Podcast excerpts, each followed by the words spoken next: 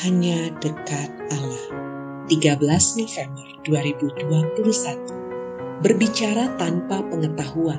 Ayub 34 ayat 31 sampai 37 Ayub berbicara tanpa pengetahuan dan perkataannya tidak mengandung pengertian. Ah, kiranya Ayub diuji terus-menerus. Karena ia menjawab seperti orang-orang jahat, karena ia menambahkan dosanya dengan pelanggaran ia mengepalkan tangan di antara kami dan banyak bicara terhadap Allah. Ayub 34 ayat 35 sampai 37. Demikianlah kesimpulan Elihu. Dalam pemahaman Elihu, Ayub sungguh gegabah, berbicara tanpa pengetahuan. Dalam Alkitab Bahasa Indonesia masa kini tertera, Ayub berbicara tanpa mengerti dan bahwa perkataannya tidak mengandung arti. Jika kata-kata Ayub ditinjau dengan cermat, akan nyatalah bahwa bicaranya seperti orang jahat.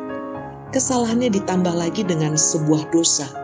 Ia memberontak terhadap Allah dan menghinanya di hadapan kita. Bisa jadi Elihu menyatakan demikian karena dia pun kaget dengan respon Ayub terhadap semua bencana yang menimpanya.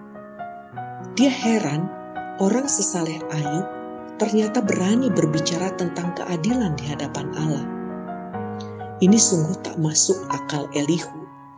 Jika kita memahami bahwa Allah Maha Adil, kita harus menerima apa yang diberikannya kepada kita dengan rela.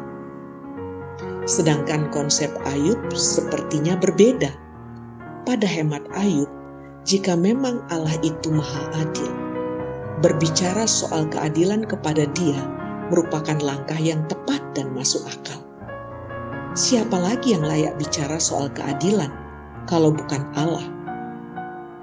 Dan karena itu Ayub mempertanyakan keadilan Allah. Dan sekali lagi, inilah yang tidak dimengerti para sahabat Ayub itu. Salam semangat dari kami, literatur perkantas nasional. Sahabat Anda bertumbuh.